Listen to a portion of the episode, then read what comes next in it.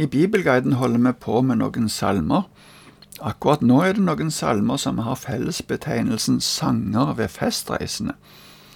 Denne gruppa er salmene fra 120 til 134, og vi har nå kommet fram til salme 129, og i dag skal vi òg se på tre salmer, altså fram til og med salme 131. Salme 129 er en tillitssalme. Den viser sterk tillit til Gud, men bakgrunnen er en klage over lidelse og motgang som den som har skrevet salmen, har opplevd. Selv om salmen taler i første person entall, kan den gjerne forstås som et uttrykk for den tilliten Israel som folk har til Gud, på tross av motstanden ifra nabofolka. Salmen har òg noe av vekselsangens karakter. De første tre versene handler om at Israels prøvelser er en test. Så kommer i vers fire en forsikring om at Gud seirer. De fire siste versene er en fordømmelse av de ugudelige som har brakt Israel opp i problemer. Men før vi sier mer, så leser vi Salme 129 en sang ved festreisende. Hardt har de plaget meg, helt fra min ungdom, skal Israel si. Hardt har de plaget meg, helt fra min ungdom, men de har ikke vunnet over meg. På ryggen min har plogmenn pløyd og trukket lange furer. Men Herren er rettferdig, han har hugget av de urettferdiges reip. Måtte alle som hater Sion, trekke seg tilbake med skam måtte de bli lik gress på taket, som visner før en får slått det. Den som høster det, får ikke hånden full. Den som samler, får ikke fanget fullt. De som går forbi, sier ikke Herrens velsignelse være over dere. Vi velsigner dere i Herrens navn. Dette er den tiende av sangene ved festreisene. Etter opplysningen om at det er en sang ved festreisende, er det noen oversettelser som sier at plagen har kommet mange ganger. Det ordet som starter den setningen, kan bety mye og mange ganger eller ofte. Vi kan godt forstå salmen i begge betydninger. Israel har ifra starten av blitt hardt plaga, både i Egypt, fra nabofolk, og i fangenskap i Babel ble Israel plaga hardt. Dette har òg fortsatt helt fram til vår tid. Derfor kan det også godt stå at det har skjedd mange ganger.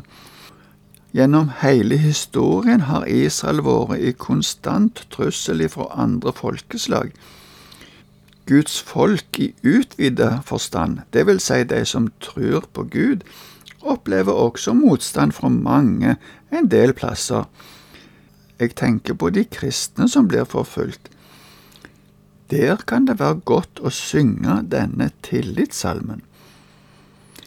Vi ser for oss bildet av plogmannen som pløyer. Slik rammer plogen billedlig ryggen for Guds folk. Men tilliten til Gud er at Herren er rettferdig, en gang vil plagen ta slutt. Her står det som noe som allerede har skjedd. Hvis vi går til en åndelig tolkning, kan vi si at vår motstander, djevelen, plager oss, men hans makt er brutt i og med at Jesus på korset vant en seier over alt det djevelen kan anklage oss for.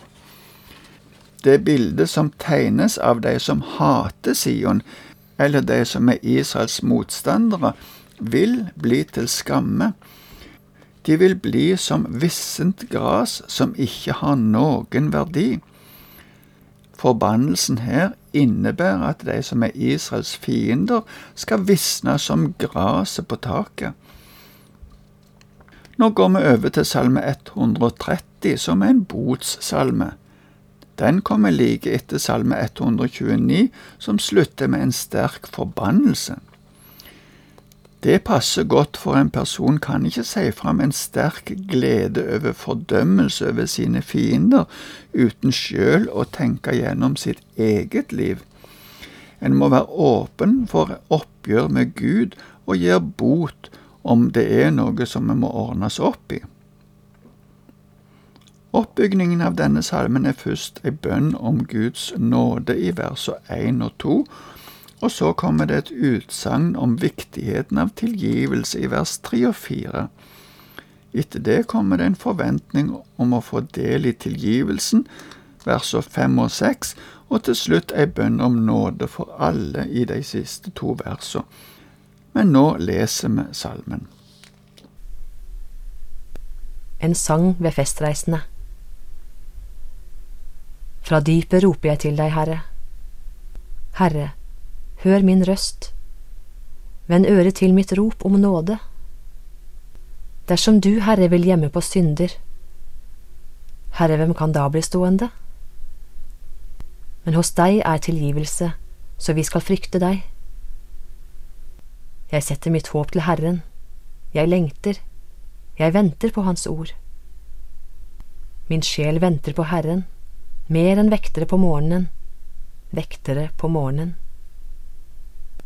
Vent på Herren, Israel, for hos Herren er miskunn og kraft til å løse ut. Han skal løse Israel ut fra alle deres synder. Forfatteren av denne salmen roper ifra dypet. Det er nok ikke motstanden fra ytre fiender som er utgangspunktet for denne salmen, men snarere ens egen fortvilelse. Det kan være forskjellige grunner til at en kjenner på fortvilelse, men her er det kanskje mest tanken på synd en har begått, som en angrer på. Da kan vi rope på Herren. Bønna går ut på å få nåde. Behovet for nåden er på det sterkeste når en er så langt nede at en ikke klarer seg sjøl. Derfor er denne salmen kjær for mange. Det mest fantastiske med tilgivelse og nåde fra Gud er at når Gud tilgir, så blir synda glemt. Her uttrykkes det med at hvis Herren skulle gjemme på den, så ville vi ikke kunne bli stående. I vers tre brukes både Guds navn, som noen oversetter med Javé, og ordet for den øverste Herre. Vi henvender oss til Gud som vi kjenner ved navnet, og som vi vet er den allmektige. Salmen gjentar flere ganger at han venter på Herren. Det er et uttrykk for tillit til at Gud vil svare, og at Gud vil stå ved sine løfter om nåde og tilgivelse. Det er nemlig egenskaper hos Gud at han er nådig, og at han tilgir. I vers 7 går salmen mer over til å inkludere hele Israel. Hele folket blir oppfordra til å vente på Herren. Det blir forkynt at hos Herren er miskunn og kraft til å løse ut. Miskunn henger sammen med nåden. Kraften til å løse ut kan peke på den veldige kraften som Gud viste da han løste Israel ut ifra fangenskapet i Egypt det er ofte referansen til forståelsen av utløsning, eller forløsning som det oversettes noen steder. Men her er det utvikla videre til å løse Israel ut ifra alle deres synder. Vi som lever nå, kan òg ta dette enda lenger ut, slik at Herren skal frelse alle som vil tro på Han, det vil si ifra alle folkeslag La oss glede oss over det. Vi skal se på Salme 131 òg i dag. Det er en tillitssalme. Det er den tredje av i alt fire av salmene i denne gruppa som oppgir David som forfatter. Denne salmen har bare tre vers. Det første verset er et utsagn om ydmykhet, det andre viser tillit, og det tredje er ei bønn om håp. Vi leser salmen. En sang ved festreisende av David. Herre, mitt hjerte er ikke hovmodig, mine øyne er ikke stolte, jeg går ikke med tanker som er for store og underfulle for meg. Nei, jeg har fått min sjel til å bli stille og rolig, som et lite barn hos sin mor. Som det lille barnet, slik er min sjel i meg. Israel, vent på Herren, fra nå og til evig tid. Mitt hjerte er ikke hovmodig, sier David, og fortsetter med at øynene ikke er stolte. Det kan variere litt på oversettelsene her. Ordet som er oversatt med hovmodig og stolt, er synonymer, men to forskjellige ord. Norsk bibel sier at hjertet ikke er stolt og øynene ikke overmodige. Uansett så går det ut på at David uttrykker at han er ydmyk i forholdet til Gud. Vi kan ofte oppleve at mange har store tanker om seg sjøl og sitt prektige liv. I stedet bør vi innse hvor små vi er. Vi har absolutt ingenting å rose oss av i forholdet til Gud. Men sjøl om vi kan se på oss sjøl som små, vet vi at vi har en Gud som har omsorg og kjærlighet for oss. David sammenligner det med den tilliten et barn har til sin mor.